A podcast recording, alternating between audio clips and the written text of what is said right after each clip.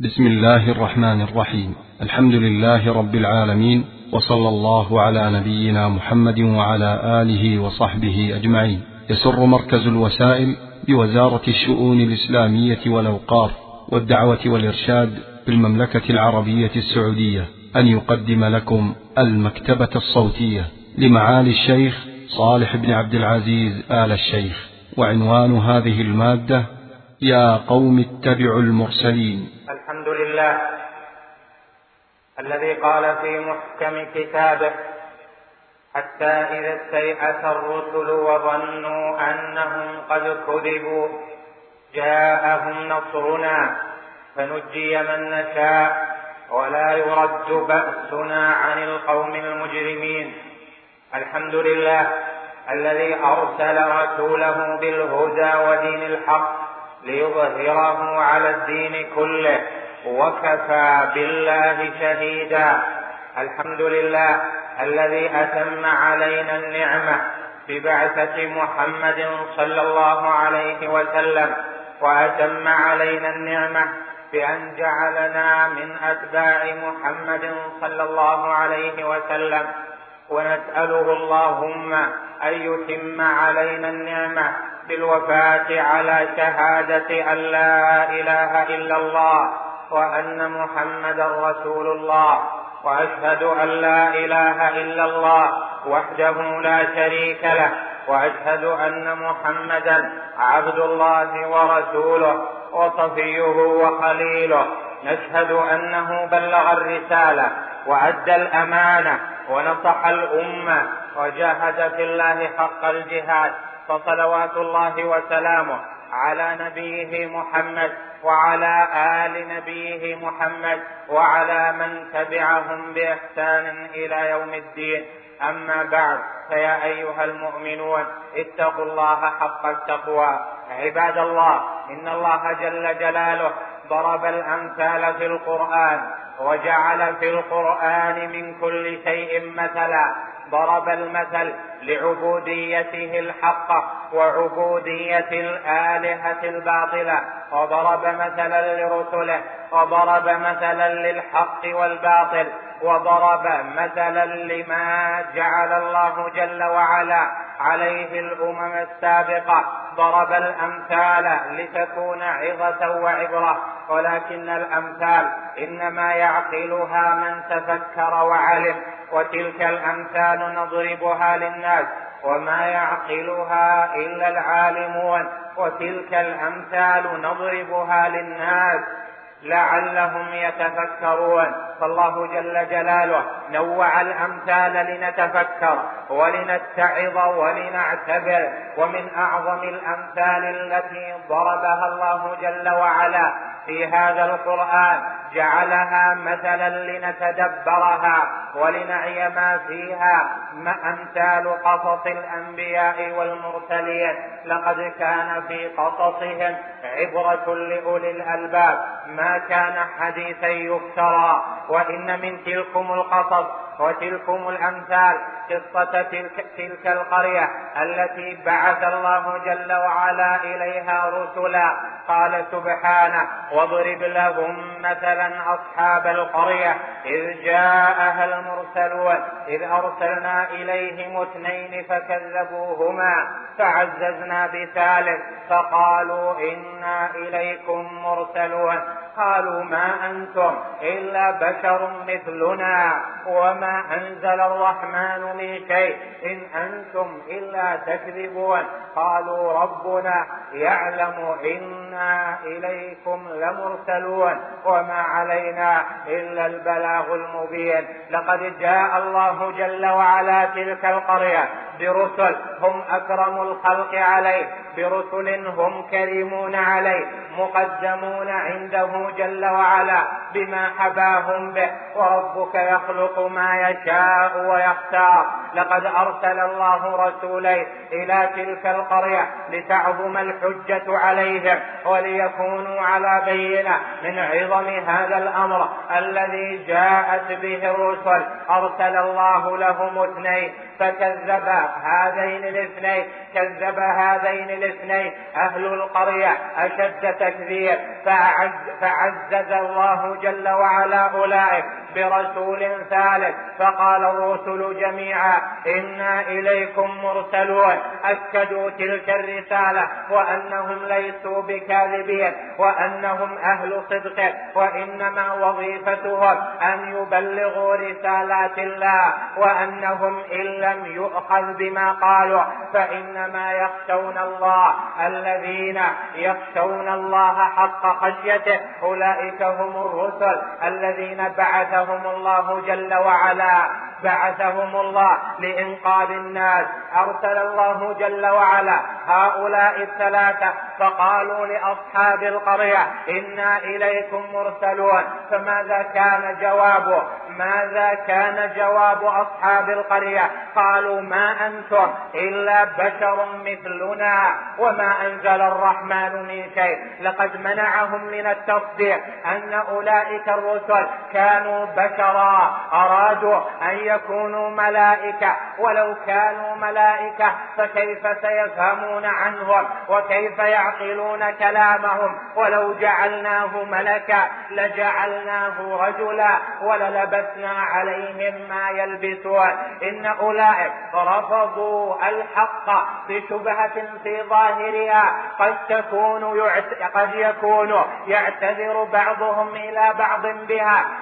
ولكنها في الحقيقة ليست بشيء وهكذا دائما أصحاب الشبهات يوقع الشيطان في قلوبهم. الشبهة فيقنعهم أنها شبهة حق وأنهم لو أتاهم الحق واضحا لقبلوا ذلك مع أن البينات كانت كافية وكانت باقية وكانت واضحة جلية. فإن أولئك المرسلين جاءوا من عند الله بالآيات والبراهين الدالة على صدقهم المؤيدة لدعواهم الرسالة وكفى بذلك حجة لمن سلم قلبه. لكنهم أرادوا أن يكون الرسل من الملائكة وتلك شبهة ألقاها الشيطان في قلوبهم. إن الناس يحتاجون إلى رسل من البشر يعلمونهم بلسانهم ويقتدي الناس بهم.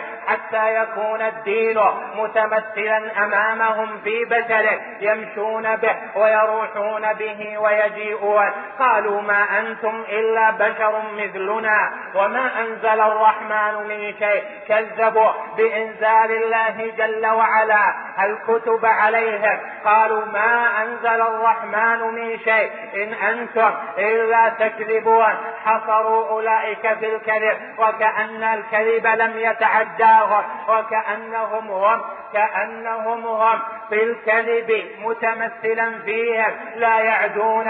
إن أنتم إلا تكذبون. فكان جواب الرسل جواب أهل الحق الثابت الذين يدلون بالحق ويعلون بكلمة واضحة. قال الرسل ربنا يعلم إنا إليكم لمرسلون وكفى بشهادة الله شهادة. فهل يكون الرسول هل يكون الرسول الذي أرسله الله وأيده بالمعجزات يكون كاذبا؟ إن الرسول الذي يدعي الرسالة لا يلبث أن يعاقب. إن من ادعى رسالات الله في التاريخ لا بد أن تحيق به العقوبة سريعة وأما أن يقول إني مرسل مرسل من عند الله ومؤيد من عند الله بالحجج والآيات والبراهين ثم إن الله يؤيده على خصمه وينصره ويقوي حجته. فإن ذلك دليل على صدق رسالته. وإن ذلك دليل على أن الله جل جلاله بعثه مرسلا إلى الناس. ربنا يعلم إنا إليكم لمرسلون وما علينا إلا البلاغ. البلاغ المبين. إن الرجل تكون عنده الحجة فيلقي بها في الناس طيب طيبا لفظها طيبا معناها فتسري في الناس في من أراد الله به خيرا. وأما من صد عن الحق ولم يقبل الحق الذي جاءت به الرسل ووجد حرجا في نفسه من كلام الرسل ومن كلام من اصطفاهم الله جل جلاله. إن أولئك البلاء في أنفسهم وليس البلاء في الحق البلاء في شهواتهم وشبهاتهم وليس البلاء ليس البلاء فيما أنزل الله وفيما بلغته الرسل من عند الله ورسل الله صادقون مصدوقون لا ينطقون عن الهوى قالت الرسل وما علينا إلا البلاغ المبين. فماذا كان جواب أولئك الذين كذبوا الرسل؟ قالوا تطيرنا بكم تطيروا بهم قالوا إن سبب ما جاءنا من الشر وسبب ما جاءنا من البلاء. إنما هو من جهتكم إنما هو من أسبابكم. أما نحن فنحن مستحقون. أما نحن فإننا مستحقون. لكل فضل من الله ولكل رحمة من الله. ولكن سبب بلائنا أنتم أيها الرسل لأنكم خالفتم ما عهدنا عليه الآباء وما عهدنا عليه من سبقنا في عباداتهم للآلهة المختلفة وفي اتباعهم لكبرائهم. إنا تطيرنا بكم لئن لم تنتهوا لنرجمنكم وليمسنكم منا عذاب أليم. يعني إن لم تتركوا ذلك فلنرجمنكم ولنقتلنكم وأيضا ليمسنكم أقسموا على ذلك ليمسنكم منا عذاب أليم. فكان جواب الرسل جواب المطمئن إلى الله ال ال الذي أنس بما عند الله المصدق بوعد الله. قالت الرسل طائركم معكم يعني سبب شقائكم وسبب التطير وسبب ما سيحيق بكم من البلاء. إنما هو معكم ملازمكم وهو ما طار عنكم من عمل الشر وما طار عنكم من سوء وما طار عنكم من تكذيب الرسل وعدم الإيمان بكتب الله وبما أنزل الله على رسوله. قالت الرسل أئن ذكرتم؟ بل أنتم قوم مسرفون. يعني أتقتلوننا لأجل التذكير بالله وبسنة الله وبالصدع بما أنزل الله في كتابه. أتقتلوننا لذلك؟ بل أنتم قوم مسرفون. فسبب ذلك الإسراف. إسرافكم في الأمر وإسرافكم في أنفسكم ومجاوزتكم للحد الذي أذن الله به. وهكذا كل من خالف الرسل الذين كل من خالف الرسل من الذين اتبعوا شهواتهم واتبعوا شبهاتهم إن أولئك دائما حجتهم من جنس تلك الحجة. يظنون أن البلاء من جهة المذكرين أن البلاء وأن وأن سبب وأن سبب ما يصيب الناس إنما هو من جهة الذين ذكروها بما أنزل الله في كتابه وهذه حجة قديمة جديدة أتواصوا به بل هم قوم طاغون ثم بين الله جل جلاله وظيفة رجل من المؤمنين آمن بما جاءت به الرسل فأتى واعظا لقومه مذكرا لهم قال سبحانه وجاء من أقصى المدينة رجل يسعى. قال يا قوم اتبعوا المرسلين. وجاء من أقصى المدينة وهي تلك القرية رجل يسعى. قال المفسرون في قوله من أقصى المدينة ما يشعر بأنه ليس من أغنياء الناس بل من فقرائهم وليس من أهل الجاه بل هو من وبل هو ممن يرفض قوله الأكثرون لأنه جاء من أقصى المدينة وعادة الناس في الأزمنة الأول أن الأشراف والكبراء يسكنون وسط المدن وأن من هم دونهم يسكنون الأطراف والأقصى من المدينة. وجاء من أقصى المدينة رجل يسعى قال يا قوم اتبعوا المرسلين لقد كان حريصا أن يتبع أولئك الناس. أن يتبع أولئك الناس المرسلين فيتبعونهم فيما جاءوا به من الحق وينصرونهم ولا يخذلونهم لأن في ذلك أسباب السعادة لهم في الدنيا والأخرى. قال يا قوم اتبعوا المرسلين ثم علل ذلك بقوله اتبعوا من لا يسألكم أجرا وهم مهتدون. إن من أدلة صدقها أنهم مهتدون على صراط الله وأنهم وحدوا الله جل جلاله وأنهم دعوا إلى إفراد الله جل وعلا بالعبادة دعوا إلى ذلك وكانوا على بصيرة في ذلك الأمر وهم لم يسألون الناس أجرا ولم يتكلفوا قال اتبعوا من لا يسألكم أجرا وهم مهتدون يعني اتبعوا من لا يطلب منكم مالا والحال أنه من المهتدين لأن من الناس من يكون لا يسأل الناس أجرا في دعوته ولكنه على ضلالة على مخالفة للرسل. والناس قد يظنون أن كل زاهد أو أن كل من لم يسأل الناس أجرا أو أن كل مدافع عن حقوق الناس أنه يكون على هداية. وهذا هذه الآية فيها التنبيه على أنه لا بد أن يكون مع الأول أن يكون على هداية والهداية هي الهداية إلى طريق الرسل الذي بينه الله جل وعلا في كتابه. اتبعوا من لا يسألكم أجرا وهم مهتدون. فالقضية ليست أنهم لم يسألون الناس أجرا فحسب بل القضية والقضية الكبرى أنهم على هداية من الله أن حالهم الهداية أنهم اهتدوا بهداية الله وأخذوا ما أنزل الله ولم يفرقوا بين أمر الله لم يفرقوا بين كلام الله بل كانوا على وفق ما يحب الله ويرضى. ابتعدوا عن المشتبهات وأخذوا بالحق فكانوا على الهداية وقبلوا ما أمرهم الله به فكانت تلك الهداية للمرسلين. وكذلك تكون تلك الهداية لكل من اتبع الرسل قال الله جل وعلا مخبرا عن قيل ذلك الرجل الصالح وهم مهتدون وما لي لا أعبد الذي فطرني وإليه ترجعون. يقول لماذا لا أعبد الله الذي فطرني؟ لماذا لا أعبد الواحد الأحد وأعلق قلبي به وأدل الناس عليه وأجعلهم مطمئنين إلى الله عابدين له وحده دون ما سوى خالعين للأنداد.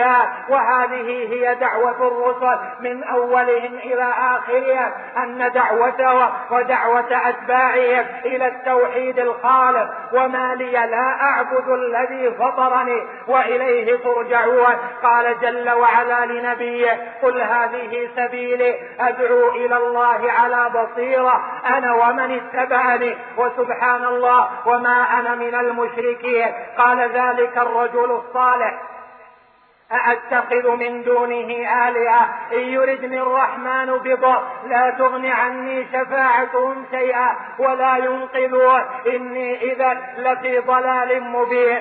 إذا كانت دعوة الرسل ودعوة ذلك الرجل الصالح فيما دعا به قومه كانت في توحيد الله ورد الناس إلى التعلق بالله لأنها مهمة المصلحين لأنها مهمة الذين يريدون أن يعلقوا قلوب الناس بالله جل جلاله. فإذا صلحت القلوب وصلح الناس أنزل الله جل وعلا البركات على الأرض وأذن بما يأذن به من سننه الكونية. قال جل وعلا مخبرا عن قوله إني إذا لفي ضلال مبين. يعني إن كنت على تلك الحال من الشرك فإني على ضلال مبين.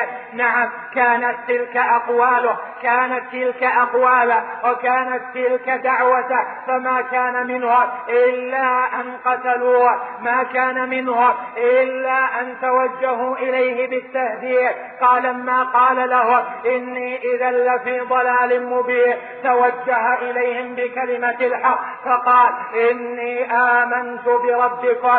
إما أن يكون توجه إلى المرسلين وإما أن يكون توجه إلى الناس. إني آمنت آمنت بربكم فاسمعوا فلما قال ذلك بادروا إليه وقتلوه فتلقته الملائكة بقولها قيل ادخل الجنة قيل ادخل الجنة لأنه دعا إلى ما دعت إليه المرسلون لأنه كان على حق واضح ثابت دعا إلى ما دعت إليه المرسلون واتبع سيرته وجاهد في ذلك ولو كان في ذلك بذل نفسه. تلقته الملائكة ألا تخف ولا تحزن وادخل الجنة. فنظر لما دخل الجنة ورأى النعي تذكر قومه ورحم قومه. فقال يا ليت قومي يعلمون بما غفر لي ربي وجعلني من المكرمين. أدركته الرحمة أدركته رحمة الخلق. وهكذا الداعية الصالح الناجح يأمر الناس بما أمر الله به وهو رحيم به. يرحم العاصي أن عصى ويرحم الضال أن ضل ويرحم الناس أن يكونوا ليسوا من أهل الجنة. وبوده لو بذل نفسه ودخل الناس جميعا جنة الله جل جلاله. قال الإمام أحمد وددت لو أن جسدي قرض بالمقارير وأن الخلق أطاعوا الله جل جلاله. وجدت لو أن جسدي قرض بالمقارير وأن الخلق أطاعوا الله جل جلاله لأنه يحب المؤمنين ويحب أهل الإسلام ويحب أن يكون خلق الله جميعا من أهل الجنة. لكن ذلك لا يمكن أن يكون لأن الله ذرأ لجهنم النصير وذرأ للجنة النصير وكل سيأتيه النصير. أسأل الله جل وعلا أن يجعلنا من أهل الجنة لما دخل الجنة وقتل ثم صار بقومه ما صار من تكذيب الرسل قال جل جلاله وما أنزلنا على قومه من بعده من جند من السماء وما كنا منزلين إن كانت إلا صيحة واحدة فإذا هم خامدون. ليس الأمر بعسير على رب العالمين لا يحتاج إلى جنود مجندة إنما هي صيحة من السماء فأخذته صاعقة أتته فأخذته فكانوا أمواتا فإذا هم خامدون. يا حسرة على العباد أيها المؤمنون إن في قصص القرآن لعبرة وإن الدعوة الصالحة الناجحة لا بد أن يكون فيها ومعها ولا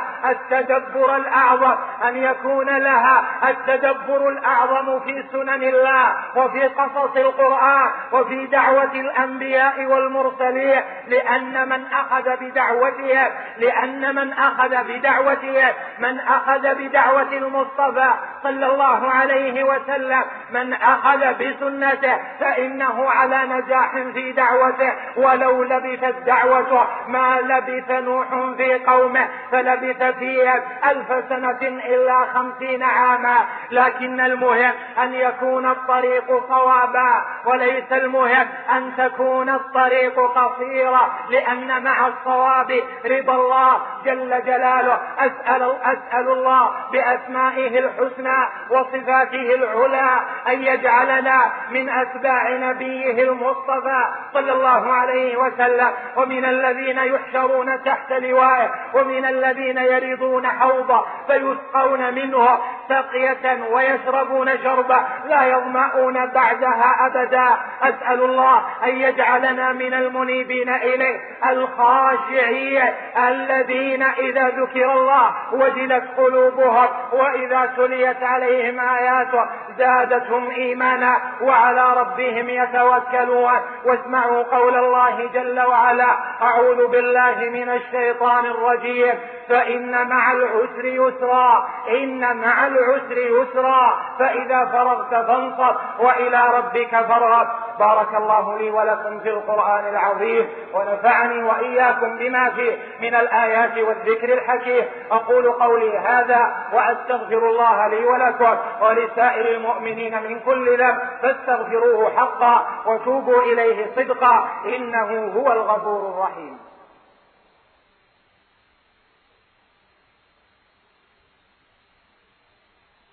الحمد لله حق حمده وأشهد أن لا إله إلا الله وحده لا شريك له وأشهد أن محمدا عبد الله ورسوله وصفيه وخليله. نشهد أنه بلغ الرسالة وأدى الأمانة وتركنا على البيضاء ليلها كنهارها لا يزيغ عنها بعده صلى الله عليه وسلم إلا هالك. هذا وإن أحسن الحديث كتاب الله وخير الهدي هدي محمد بن عبد الله وشر الأمور محدثاتها وكل محدثة بدعة وكل بدعة ضلالة وكل ضلالة في النار. وعليكم بالجماعة عليكم بالجماعة. فإنما يأكل الذئب من الغنم القاصية. عليكم بالجماعة فإن يد الله مع الجماعة وعليكم بلزوم تقوى الله فإن بالتقوى فقاركم ورفعتكم عند لقائكم لربكم. فاتقوا الله حق التقوى بتعظيمكم أمره وإجلالكم له في السر والعلن. فإن في ذلكم الفوز العاجل والآجل. فاتقوا الله حق تقاته ولا تموتن إلا وأنتم مسلمون. هذا واعلموا رحمني الله وإياكم. أن الله جل جلاله أمرني أمرنا جميعا بأمر جليل بدأ فيه بنفسه وثنى بملائكته ومصلحته عائدة لنا. فقال جل وعلا قولا كريما إن الله وملائكته يصلون على النبي. يا أيها الذين آمنوا صلوا عليه وسلموا تسليما. وقال عليه الصلاة والسلام من صلى علي واحدة صلى الله عليه بها عشرا. يعني من قال اللهم صل على محمد وسلم تسليما كثيرا مرة واحدة. أثنى الله عليه بها في الملأ الأعلى عشر مرار اللهم صل وسلم وبارك على عبدك ورسولك محمد صاحب الوجه الأنور والجبين الأزهر. وارض اللهم عن الأربعة الخلفاء الأئمة الحنفاء الذين قضوا بالحق وبه كانوا يعدلون. وعنا معهم بعفوك ورحمتك يا أرحم الراحمين. اللهم أعز الإسلام وأهله. اللهم أعز الإسلام وأهله. وأذل الشرك وأهله. اللهم أعز الإسلام والمسلمين في كل مكان. اللهم أعز الإسلام والمسلمين. وأذل الشرك والمشركين. واحم حوزة الدين. وانصر عبادك الموحدين الذين يجاهدون لرفع راية توحيده ونصرة سنة نبيه. فإنك أنت القوي العزيز فقوهم وأعزهم على عدوك وعدوهم يا رب العالمين اللهم نسألك أمنا وأمانا في أوطاننا. اللهم آمنا في أوطاننا وأصلح أئمتنا وولاة أمورنا. اللهم ووفقهم بتوفيقك. اللهم وفقهم بتوفيقك. ودلهم على طرق الخيرات. وغلق عليهم طرق الشرور والمنكرات. اللهم واجعل ولايتنا في من خافك واتقاك واتبع رضاك. يا أكرم الأكرمين اللهم نسألك أن ترفع عنا الربا والزنا وأسبابه وأن تدفع عنا الزلازل والمحن وسوء الفتن ما ظهر منها وما بطن عن بلادنا هذه بخاصة وعن سائر بلاد المسلمين بعامة. يا أرحم الراحمين اللهم أنت الله. لا إله إلا أنت أنت الغني ونحن الفقراء. أرسل علينا الغيث واجعل ما أنزلته لنا عونا على طاعتك وبلاغا إلى حين. اللهم أسقنا غيثا مغيثا هنيئا مريئا. واجعله سقيا رحمة لا سقيا عذاب ولا غرق. يا أرحم الراحمين اللهم أحي به البلاد وانفع به العباد. وأنت خزائنك لا تنفذ خزائنك ملأى. فأرسل علينا من رحمتك غيثا مغيثا. اللهم اجعله رحمة ولا تجعله غرقا ولا عذابا. واغفر لنا ذنوبنا. اللهم اغفر لنا ذنوبنا. فإنا نستغفره. إنك كنت غفارا. فأرسل السماء علينا مدرارا. يا أكرم الأكرمين. اللهم أصلحنا جميعا. اللهم لا تمتنا إلا وقد وفقتنا لتوبة نصوح. عباد الرحمن إن الله يأمر بالعدل والإحسان وإيتاء ذي القربى وينهى عن الفحشاء والمنكر والبغي. يعظكم لعلكم تذكرون. فاذكروا اذكروا الله العظيم الجليل يذكركم. اذكروه دائما يذكركم. واشكروه على النعم يزدكم. ولذكر الله أكبر والله يعلم ما تصنعون. مع تحيات مركز الوسائل بوزارة الشؤون الإسلامية والأوقاف والدعوة والإرشاد بالمملكة العربية السعودية.